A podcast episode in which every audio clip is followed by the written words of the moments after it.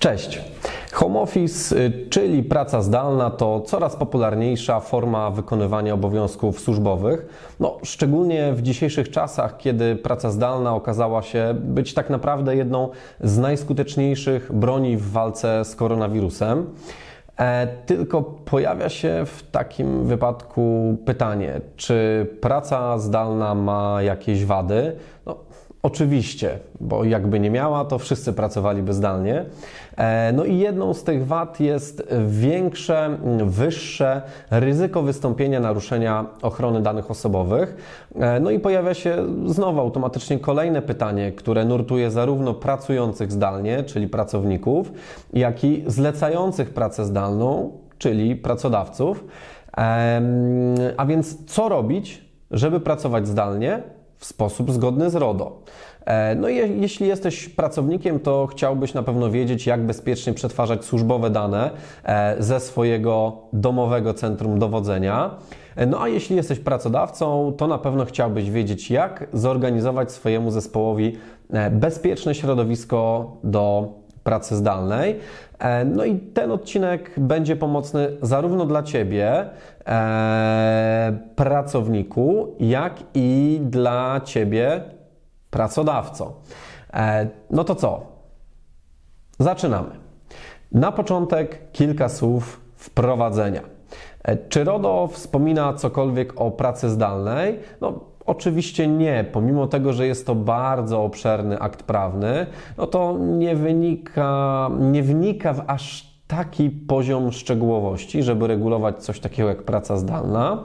E, w RODO znajdziemy jedynie bardzo, bardzo ogólne wytyczne mówiące o tym, że jeżeli przetwarzasz dane osobowe, no to musisz pamiętać o takich trzech żelaznych zasadach, czyli musisz zapewnić tym danym poufność, czyli uniemożliwić dostęp e, do tych danych osobom nieuprawnionym.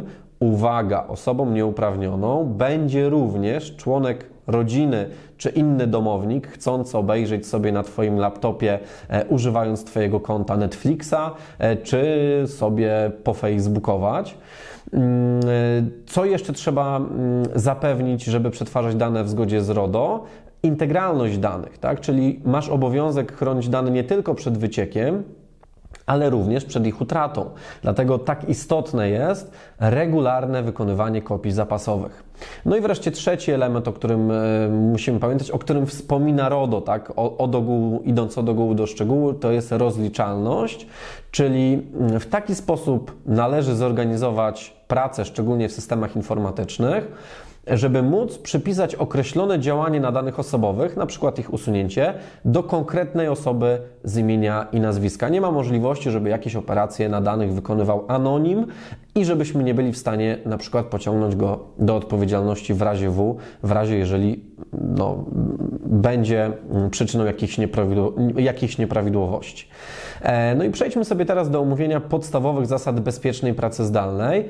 I powtarzam tutaj podstawowych, bo wyliczony tutaj katalog zabezpieczeń często bywa jeszcze oczywiście dodatkowo rozbudowywany. Po pierwsze, służbowy komputer. E, służbowy komputer przeznaczony do pracy w trybie home office musi spełniać większość e, z następujących kryteriów, następujących zabezpieczeń. No oczywiście korzystając z tego komputera, logując się do, do, do komputera, do systemu operacyjnego, czy również do poszczególnych aplikacji służbowych, no, musisz korzystać ze swojego indywidualnego loginu i hasła dostępu, hasła dostępu do systemu. Nie możesz dzielić się tymi e, dostępami e, z innymi osobami, kolegami, koleżankami, którzy akurat na przykład obecnie przebywają na urlopie. E, kolejna sprawa mm, powinieneś łączyć się z internetem i firmową siecią za pośrednictwem bezpiecznego łącza, tak zwanego VPN. E, powinieneś korzystać z wygaszacza ekranu, który będzie się aktywował po kilku minutach bezczynności. E, oczywiście powinieneś mieć aktualny program antywirusowy z firewallem. Powinieneś mieć możliwość automatycznego wykonywania backupu danych, ewentualnie korzystać co jest rozwiązaniem gorszym, ale lepszym niż żadne zręcznej procedury backupowej. No i powinieneś, warto byłoby, żebyś korzystał z nakładek prywatyzujących na ekran, które minimalizują ryzyko wglądu w monitor osobom postronnym. E, warto rozważyć też dodanie drugiego składnika, drugiego faktoru uwierzytelniania, tak zwane 2FA, czyli Two Factor Authentication. Czyli, żeby zalogować się czy do laptopa, czy do systemu informatycznego, na przykład chmurowego, tak z poziomu przeglądarki, użytkownik musi spełnić łącznie dwa warunki. E, po pierwsze, musi coś wiedzieć, na przykład pamiętać swoje hasło, ale po drugie, musi też coś posiadać. E, na przykład smartfona z tokenem aktywacyjnym, e, czy kartę chipową, czy smartfona, na którego przyjdzie SMS aktywujący konto. No i obowiązkowo ostatnia z takich kluczowych, podstawowych, e, ostatnie z kluczowych, podstawowych zabezpieczeń, które powinno być stosowane na służbowych laptopach, to szyfrowany dysk twardy.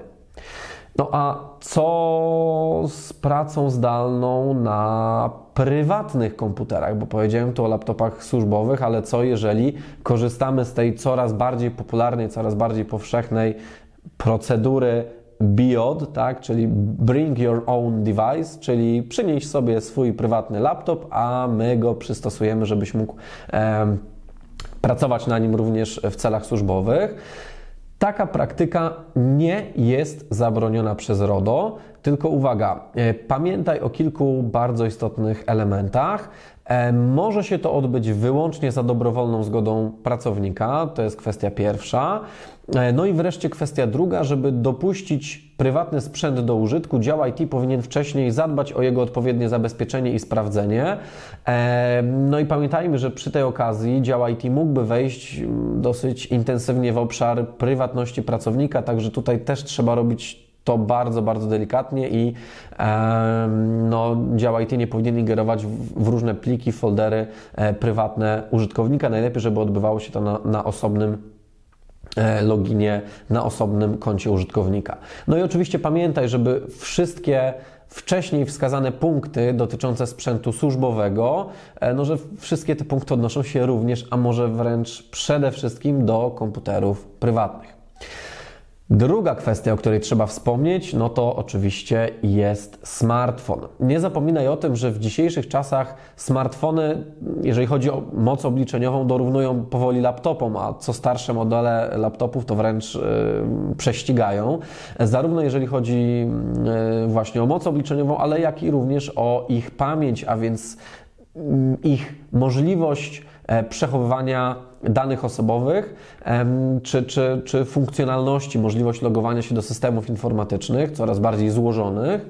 E, służbowe smartfony są dla nas często podstawowym narzędziem do sprawdzania poczty e-mail e, i nawet obsługi przeglądarkowych systemów informatycznych, które przecież zawierają bardzo duże ilości danych osobowych. Smartfony są dla nas też niezwykle bogatą bazą kontaktów naszej organizacji, czy do pracowników, czy do klientów, czy do kontrahentów. E, no i smartfony bywają też często tak zwanym drugim faktorem, czyli to, o czym mówiłem wcześniej, czyli drugim elementem w dwuskładnikowym uwierzytelnianiu użytkownika. No i jeżeli na przykład podczas pracy zdalnej zostanie Ci skradziony, skradziony i smartfon, i laptop, no to bardzo zwiększy to ryzyko dostępu do danych potencjalnym hakerom. E, podobnie jak w przypadku służbowego komputera, smartfon powinien spełniać większość z poniższych kryteriów, czy realizować większość z poniższych zabezpieczeń. Obowiązkowo blokada ekranu. Sama blokada karty SIM pinem to zdecydowanie za mało. To się wydaje jako taka oczywista oczywistość, ale proszę mi uwierzyć, bardzo wielu użytkowników nadal nie stosuje blokady ekranu, pozostawiając tylko i wyłącznie e, blokadę e, karty SIM, co jest no, właściwie żadnym e, zabezpieczeniem, no, prawie żadnym. Kolejna rzecz, szyfrowanie danych. Niemal każdy z dzisiejszych smartfonów umożliwia szyfrowanie danych w nim zawartych. No i jeżeli mamy taką możliwość, to Korzystajmy z łączenia się z firmowym internetem czy intranetem, firmową siecią za pośrednictwem bezpiecznego łącza VPN. I jeżeli mamy taką możliwość, to powinniśmy oczywiście dane ze smartfona backupować. Warto korzystać szczególnie z automatycznych metod tworzenia backupów. Trzecie, trzeci obszar, który powinniśmy zabezpieczyć przy przygotowywaniu się do pracy zdalnej, czy do przygotowywania infrastruktury e, do pracy zdalnej, no to oczywiście zewnętrzne nośniki danych. No i jeżeli pracujesz zdalnie na dużych pojemnościowo plikach i bazach danych, to możesz chcieć skorzystać z zewnętrznego nośnika danych, na przykład pendrive'a czy zewnętrznego dysku twardego. Czasami potrzebujesz wykonać na przykład backup na zewnętrzny nośnik danych. E, czy można to robić, czy jest to zgodne z RODO, czy jest to legalne? Tak, ale bezwzględnie korzystaj wyłącznie z szyfrowanych nośników danych, zgodnych z wewnętrznymi procedurami w Twojej firmie czy organizacji. Najlepiej, żeby to były służbowe pendrive'y, wyłącznie służbowe pendrive'y. Pendrive'y mogą być szyfrowane, szyfrowane zarówno z poziomu hardware'u, czyli Pendrive'y są automatycznie e, szyfrowane sprzętowo, e, mogą być również e, szyfrowane software'owo, czyli instalujemy na nie specjalne oprogramowanie, takie wewnętrzne sejfy, które umożliwiają blokowanie dostępu do danych na pendrive osobom nieuprawnionym, nieposiadającym unikalnego hasła.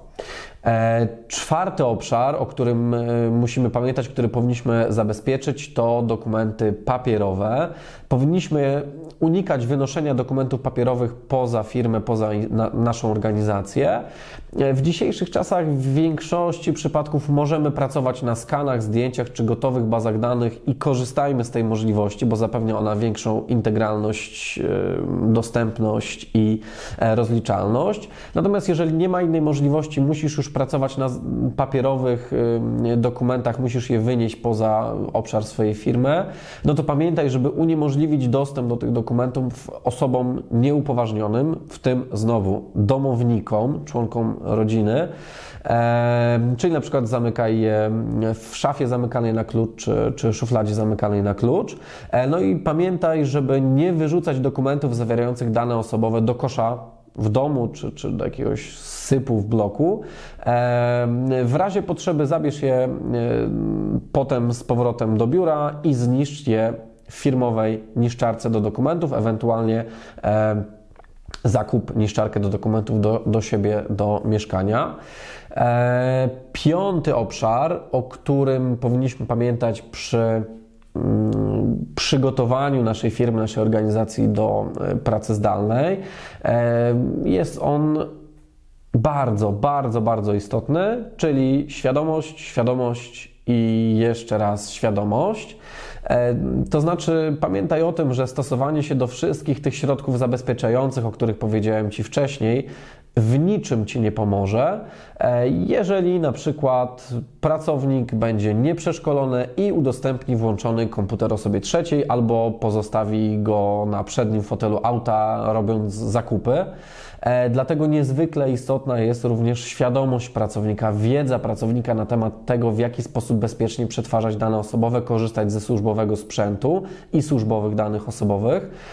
W jaki sposób budować tę świadomość? No, w normalnych warunkach proponujemy krótkie spotkanie, podczas którego pracownik IT przedstawi e, i opisze zainstalowane środki zabezpieczeń.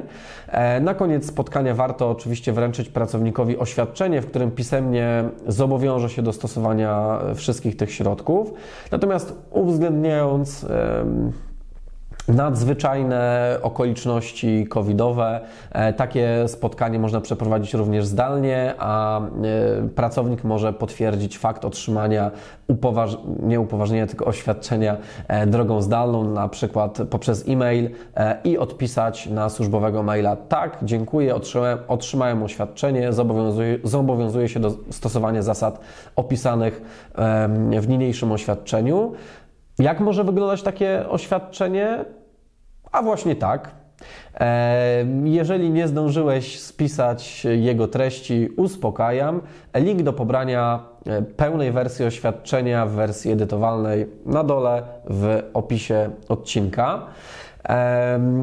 No, jeżeli chodzi o budowanie świadomości bezpiecznego przetwarzania danych osobowych, to na pewno nie zaszkodzi przeszkolenie zespołu z zakresu bezpiecznej pracy zdalnej. E, pytanie, jak to zrobić, skoro wszyscy pracują z domu? No, oczywiście w sposób zdalny, czyli na przykład za pośrednictwem webinaru, telekonferencji albo szkolenia e-learningowego. E, no i tutaj znowu link do przygotowanych przez nas e-szkoleń poświęconych bezpiecznemu przetwarzaniu danych osobowych na dole w opisie odcinka. O czym jeszcze na sam koniec warto zapamiętać? E, o tym, że dane osobowe nie są jedynymi informacjami, które powinniśmy w należyty sposób chronić i zabezpieczyć. E, do innych chronionych danych mogą należeć również tajemnice, na przykład przedsiębiorcy, skarbowa, telekomunikacyjna, e, czy inne tajemnice chronione prawem, na przykład lekarska, radcowska czy adwokacka. No i jeżeli podczas swojej pracy w trybie zdalnym będziesz korzystać nie tylko z danych osobowych, ale też innych chronionych informacji, pamiętaj o tych samych środkach bezpieczeństwa, co tutaj poprzednio omówionych. Podsumowując, pracodawco, pamiętaj, możesz pozwolić pracownikom na pracę zdalną i pozostać w zgodzie z przepisami RODO. Pracowniku, możesz pracować zdalnie w sposób bezpieczny. Pamiętaj tylko o kilku opisanych wcześniej zasadach. Dzięki nim zminimalizujesz ryzyko naruszenia danych, e, no i zminimalizujesz ryzyko e, w efekcie trafienia do ciebie kontroli z Urzędu Ochrony Danych. Pamiętaj też, że nawet jeżeli coś złego się wydarzy, czyli jakieś dane wyciekną, bo nie ma takich zabezpieczeń, których nie dałoby się sforsować, no to mając wdrożone adekwatne środki, nie powinieneś się spodziewać dodatkowych kłopotów ze strony organu nadzorczego, bo tutaj cytuję, dochowałeś należytych środków ostrożności. Także dziękuję Ci bardzo za uwagę e, i do zobaczenia.